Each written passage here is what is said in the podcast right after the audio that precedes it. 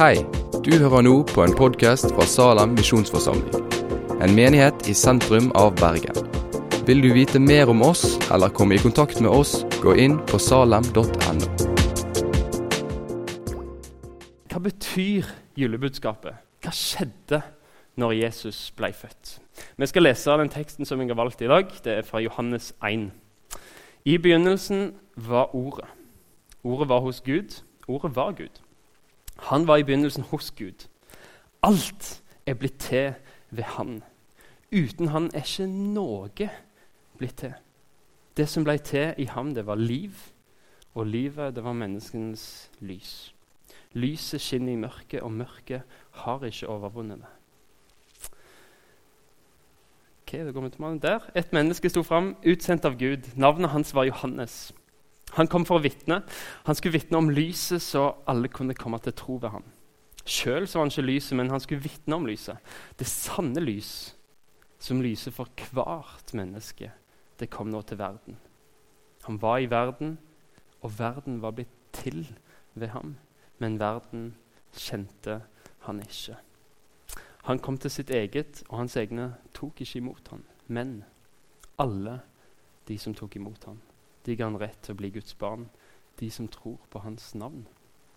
De er ikke født av kjøtt og blod, ikke av menneskers vilje, ikke av manns vilje, men av Gud. Og ordet ble menneske og tok bolig blant oss. Og vi så hans herlighet. En herlighet som den enbårne sønn har fra sin far, full av nåde og av sannhet. Johannes vitner om han og roper ut det var om han jeg sa, han som kommer etter meg, er kommet før meg, for han var til før meg. Av hans fylde har vi alle fått nåde over nåde. For loven ble gitt med Moses. Nåden og sannheten kom ved Jesus Kristus. Ingen har noen gang sett Gud, men den enbårne som er Gud, og som er i fars favn, han har vist oss hvem han er. Kjære far, takk for ditt ord til oss. Det er sannhet. Jeg ber om at du kan hellige oss i sannheten.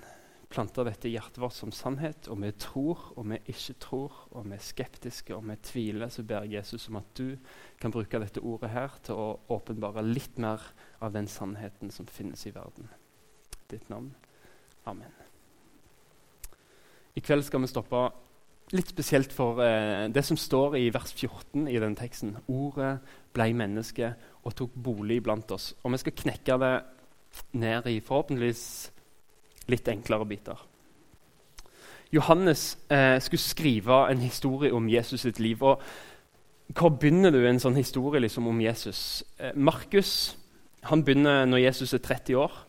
Um, og så begynner han når Jesus altså står fram på scenen og, og, begynner å jobbe, på en måte, begynner å forsynne og begynner å gjøre under. Matteus han eh, trekker tida enda lenger tilbake, for han begynner med Abraham. For han skal vise at Jesus han er den som oppfylte løftene som Gud ga til Abraham. Og Lukas han trekker det enda lenger tilbake, for han begynner med Adam. Og så viser han at ja, men han er ikke bare jødenes Messias. Han er ikke bare den som er lovt til jødene, men den som er lovt til hele verden gjennom Adam, den første mannen. Johannes han trekker det enda lenger tilbake. Han trekker det helt tilbake til skapelsen. Og For å understreke dette så gir Johannes han navnet Ordet. Jesus er Ordet, eller på gresk Logos. 560 før Kristus, ca. I byen Efesus. Det er der Johannes sitter og skriver. Men det er ca. år 90 etter Jesus. Men 500-600 år før det så sitter det en kar som heter Heraklit. Og Han var en filosof, og han leita etter årsaken. Hva er den bakenforliggende årsaken til alt? Hva er årsaken til at universet fungerer? Det som forklarer alt. Altså sånn, Jeg leter etter det, og jeg leter etter logos. Det er det jeg leter etter. Meninga bak alt. Årsaken. Og litt seinere Samtidig med Jesus faktisk, så er det en jøde i Alexandria i Egypt som heter Filo. Og Han lærte om dette logos til Heraklit. Og Så plukka han opp det og så ga han mer innhold. til sånn, Logos det er Guds visdom. Logos er Guds skapermakt, Guds mektige arm. Og så begynte han å personifisere Logos og snakke om Logos som en person.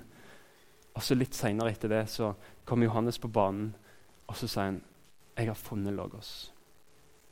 Jeg har funnet Guds skapermakt. Jeg har funnet den personen som er årsaken til alt. Det er ikke et argument, det er ikke en ting, det er en person. Og så bruker han ordet 'logos', og så sier han 'jeg har funnet Guds skapermann'. Jeg har funnet logos. Det er Jesus. I begynnelsen var Jesus. Jesus var hos Gud, og Jesus var Gud. Han var i begynnelsen hos Gud. Alt er blitt til ved Jesus. Uten han er ikke noe blitt til av det som var til. Johannes oppnår gjennom å bruke ordet 'logos', eller ord om Jesus. Det formidler at Jesus er fra evighet av. Jesus ble ikke bare til når han ble født, men han var fra evighet av. Han var sønnen. Han var Herrens engel.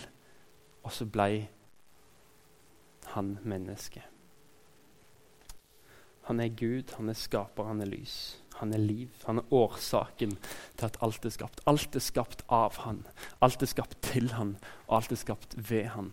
Det har mye å si for våre liv. Du er skapt av Jesus, du er skapt ved Jesus, og du er skapt til Jesus. La det få definere hva du bruker tida di på.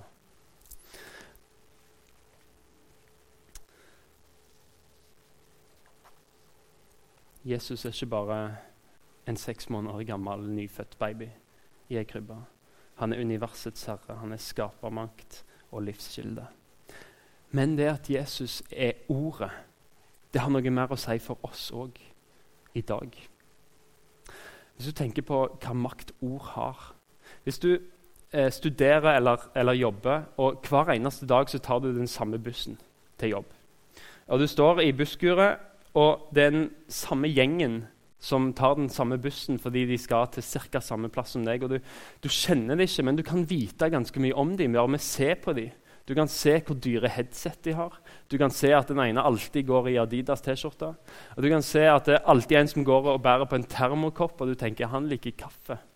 Og du ser kanskje at du vet, du kan anta at de bor sånn cirka i nærheten, at de jobber sånn cirka i nærheten av deg òg. Det er mye du kan anta om dem.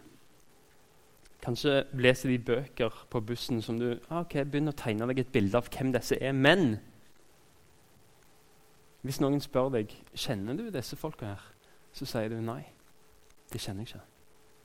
Du, kan, du antar mye om dem. Du, du, vet kanskje til og med litt av det du har sett og observert, men du sier du kjenner dem ikke fordi du har aldri snakka med dem. Du har aldri delt ord med dem. For ord åpenbarer hvem vi er. Det er først når du snakker med folk, du får vite hvem er denne personen du kan tro at den ene på bussen drikker kaffe. Men når du snakker med han, så, så oppdager du at han kanskje får dra kaffe. At han drikker varm buljong for sangstemmen sin skyld. Du kan anta mye, men når du snakker med folk, så får du en åpenbaring av hvem de er. Å få et ord fra en person kan gi deg essensen i mye større grad enn en antagelse og en observasjon. Sånn er Jesus ordet fra Gud. Han er den klareste åpenbaringen vi har fått på hvem Gud er. Ingen har noen gang sett Gud, men den enbårne Jesus, som er Gud, han har vist oss Som er i fars hånd, han har vist oss hvem han er. Du kan ikke kjenne Gud uten Jesus. Du kan vite noe om Gud fra hans skaperverk, men du kan ikke vite alt. Du kan anta noe, men det er først når du blir kjent med ordet hans, at du kan bli kjent med Gud. Hvis du vil kjenne Gud, og uansett nå, om du er kristen eller om du ikke er kristen Hvis du vil vite mer om Gud, så er du helt nødt til å se på Jesus. Han er ordet. Du må se på fortellingene om Jesus, om hva han sa og hevda om seg sjøl, hva under han gjorde, og hva han gjorde på korset. Og hva som skjedde når han sto opp fra de døde, om det faktisk stemmer. Hvis du skal kjenne Gud, så er du nødt til å gå inn med et åpent sinn, og så må du se på Jesus som du finner han i Bibelen. Og så må du tenke stemmer dette? Er det troverdig? Og jeg tror Hvis du går inn med et åpent sinn, så tror jeg du vil se at du finner Gud i Jesus, full av nåde, full av sannhet. Fordi Gud ga oss ikke argumenter for å bevise hans eksistent. Altså, da hadde Gud bare lina opp et A4-ark med argumenter for, for Gud for skapelsen, for frelsen, for oppstandelsen, for døden, for fortapelsen. Men, men, Gud ga oss aldri argumenter. Han ga oss en person. Og så sa han, 'Kjenn denne, så skal du få se hvem jeg er.' Så skal du få se hvem du er. Og så skal du få se at uh, du er totalt avhengig av meg. Undersøk Jesus. Og hvis du er villig til å gjøre det, så er jeg veldig gjerne med å hjelpe deg. Og du har sikkert flere venner i Salem eller i bibelgruppa. Eller hvis du ikke er kristen, hvis du er bare på besøk, så ta kontakt. Vi har kjempelyst til å bare gå noen skritt på veien med deg og undersøke hvem er Jesus. Vær frimodig og spør kan du hjelpe meg med det. Dette ordet, dette mennesket, det ble, det ble eller denne Jesus det ble menneske og tok bolig iblant oss, skriver Johannes. Og Ordet som brukes her, er fulladet med informasjon. Altså, Johannes kunne brukt mange ord. Han kunne sagt at Jesus flytta til verden. Han kunne sagt at Jesus tok, kledde på seg mennesket. Han kunne sagt at uh, Jesus uh, bygde et slott i verden og flytta hit. Han kunne valgt mange, mange forskjellige ord. Men Johannes bruker ett, et spesielt ord når han sier at han tok bolig blant oss. Han skriver at Jesus, eller ordet, slo opp teltet sitt blant oss. Han slo opp det enkelte ordet er tabernakle blant oss.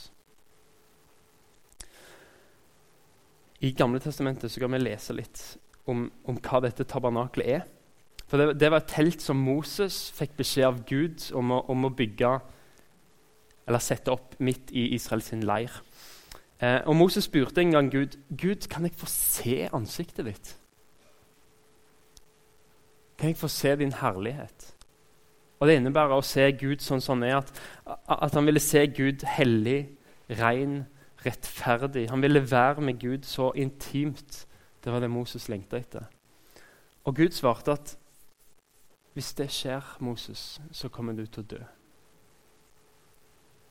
Fordi det er så hellig og ren Gud er. I møte med Han så vil et menneske bli fortært. Bibelen bruker ofte bildet en fortærende ild på Gud. Fordi vi med vår synd som kommer nær Han som er hellig, vi tåler det ikke. Vi blir fortært. Han er så hellig at vi ikke kan tåle det. Moses kunne ikke få lov til å se Guds herlighet, men, men han fikk i oppdrag å bygge et tabernakel. Han skulle bygge et telt og sette det midt i leiren til israelsfolket, og der skulle Gud bo. Der skulle han gjemme seg. Der skulle Gud være midt iblant dem, men skjult bak forhenger bak et telt, sånn at de ikke så alt dette.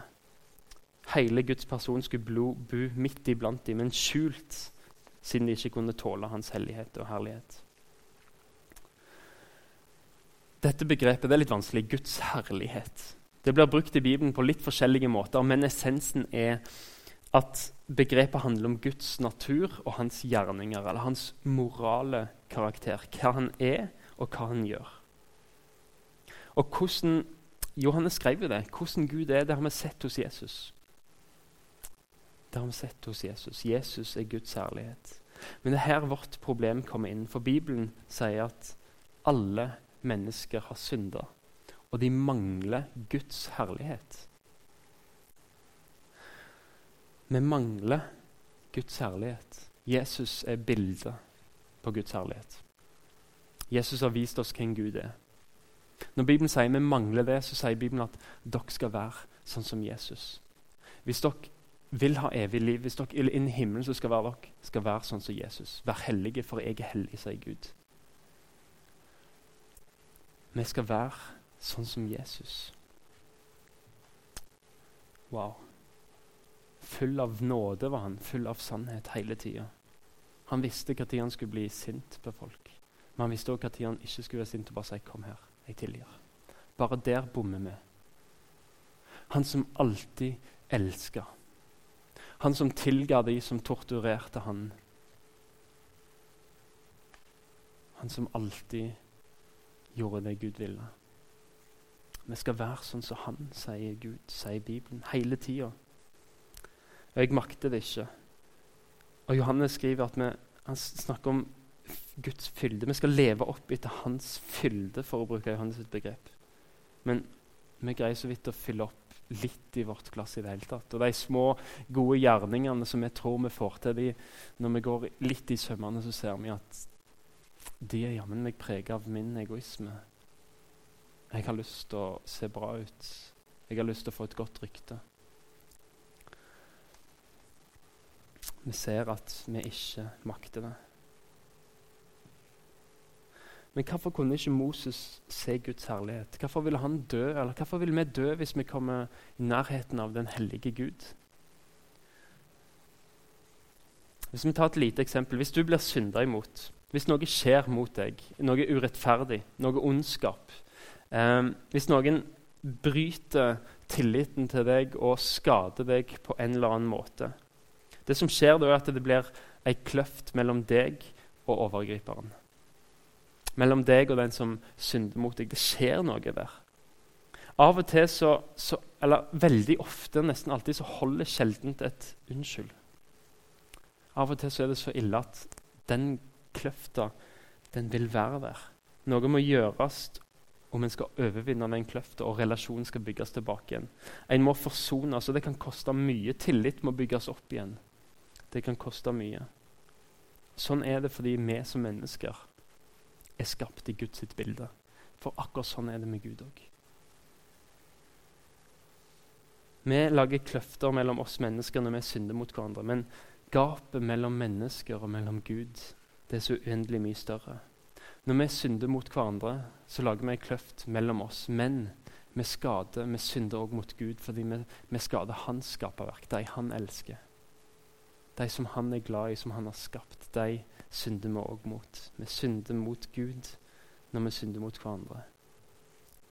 Og Vi kan ikke bare komme til Gud uten å ta hensyn til den kløfta som, som de synd har skapt mellom deg og Gud.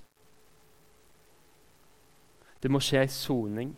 Det urettferdige må bli betalt, sånn at det, du blir rettferdig. Det vet vi fra norsk, norsk, rettsvesen. Hvis du gjør et eller annet galt, så må du enten betale ei bot eller noen dager i fengsel, eller noe sånt, alt etter hvor gale det er, for at du skal bli erkjent rettferdig igjen.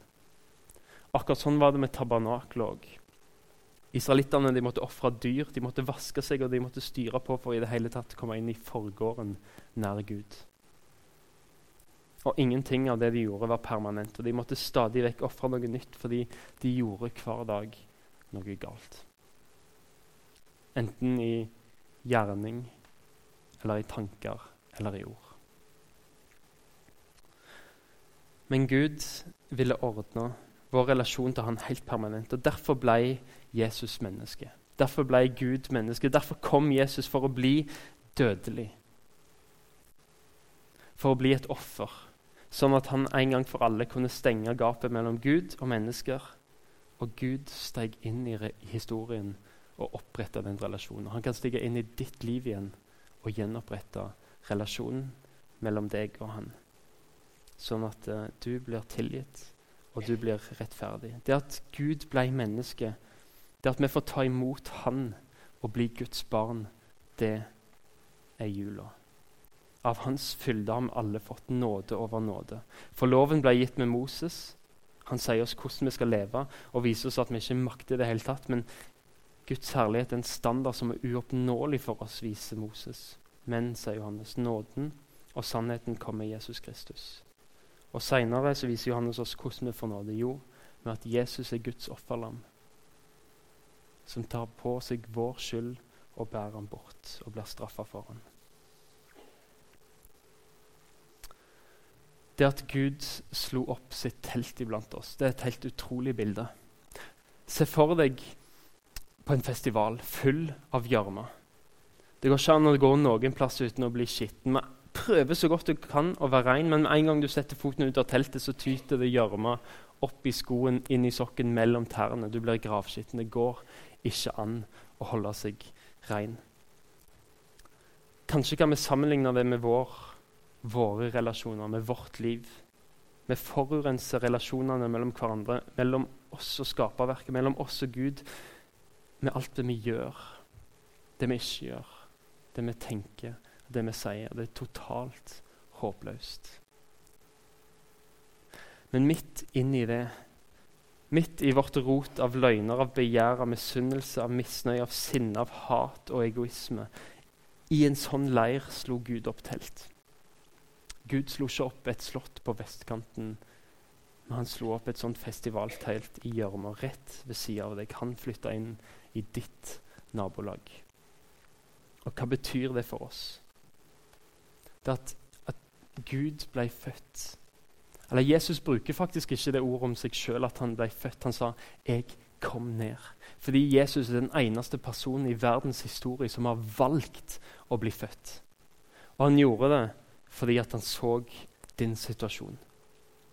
Han ville komme ned. Han ville berge. Han valgte å komme ned. Og det er det du trenger. En som kommer ned. 13. mars 1964 i Kew Gardens i New York. Der er det ei som heter Catherine Genovese, av venner kalt Kitty. Hun er på vei hjem fra jobb. Rett utenfor sitt eget leilighetskompleks så blir hun angrepet av en mann. Hun roper og skriker om hjelp mange ganger. Og Vi vet ikke helt hva som skjedde, fordi det var en rettssak og det var mye uklart. Men New York Times skriver en artikkel om dette etter rettssaken. Og de sa at mellom, mellom, mellom 37 eller 38 mennesker de hørte Kitty rope.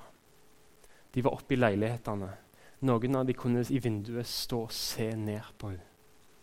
Men det var ingen som kom ned. Det var ingen som ringte politiet. Det var ingen som gjorde noe.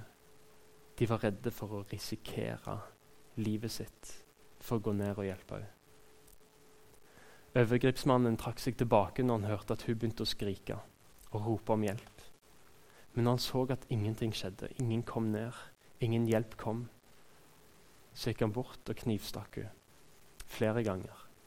Og Den kvelden så døde Kitty etter å ha ropt og skrikt om hjelp. Et rop som ble hørt, men det var ingen som kom ned. Ingen kom ned.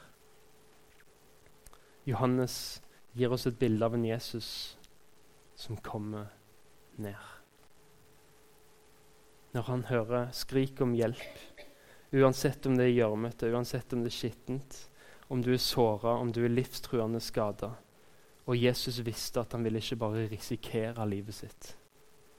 Jesus visste at når han valgte å komme ned til din synd, til din skam, til din død, så måtte han ofre livet sitt for at du skulle få leve. Men han kom allikevel. Og det er din redning. Han kom allikevel. En Gud som elsker deg så høyt at han kommer. Selv om du ikke fortjener det, selv om du er ambivalent, og selv om du, du vil ut av den gjørma du er i, men du er faktisk litt glad i den gjørma òg. Han kom for å berge deg fra det. Han kom fordi han elsker deg. Han er villig til å gi sitt liv for deg. For han kunne ikke tenke seg en himmel uten deg. Derfor kom han. Han kom til sitt eget, og hans egne tok ikke imot ham. Men alle som tok imot han, de ga han rett til å bli Guds barn, de som tror på hans navn. At Gud, eller Han kom for å berge, men han kan ikke berge deg før du vil ta imot ham. Da kan han gi deg alt det han eier. Han er Guds sønn og arving av himmelen. Han, han, er Guds sønn, og han er arving av himmelen, og han er arving av evig liv. Han vil gi det til deg hvis du vil ta imot ham. Da blir du Guds barn, du blir Jesu bror, og det blir himmelens arving. Du skal arve evig liv.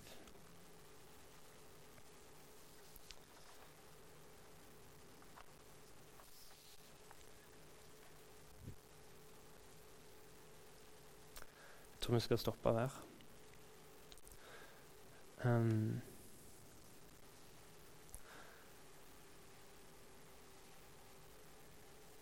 Kjære far. Takk for ditt ord til oss. Takk for at du kom ned når vi roper på hjelp. Takk for at du ikke er redd for å risikere livet. Takk for at du kommer uansett om du vet at det koster deg livet. Og Jesus, takk for at uh, vi som tar imot deg, får bli Guds barn. Vi som tror på ditt navn. Jesus, hvis det er noen her som ikke tror på deg ennå, så ber jeg Jesus, vis deg for dem. Jesus, vis de deres situasjon. At de er en plass der de trenger hjelp. At de trenger at noen kommer og redder dem fra synd, fra skam, fra fortapelse. Og vis dem at du var villig til å komme ned, uansett hva det kosta deg, Jesus. Skap tro i oss alle. Ditt navn. Amen.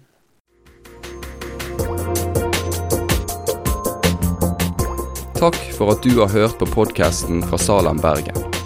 I Salem vil vi vokse i et stadig dypere fellesskap med Gud og med hverandre. Vi vil være Jesu hender og føtter, og vi vil være med og forkynne frelse for Bergen og resten av verden. Besøk oss gjerne på salem.no om du vil vite mer.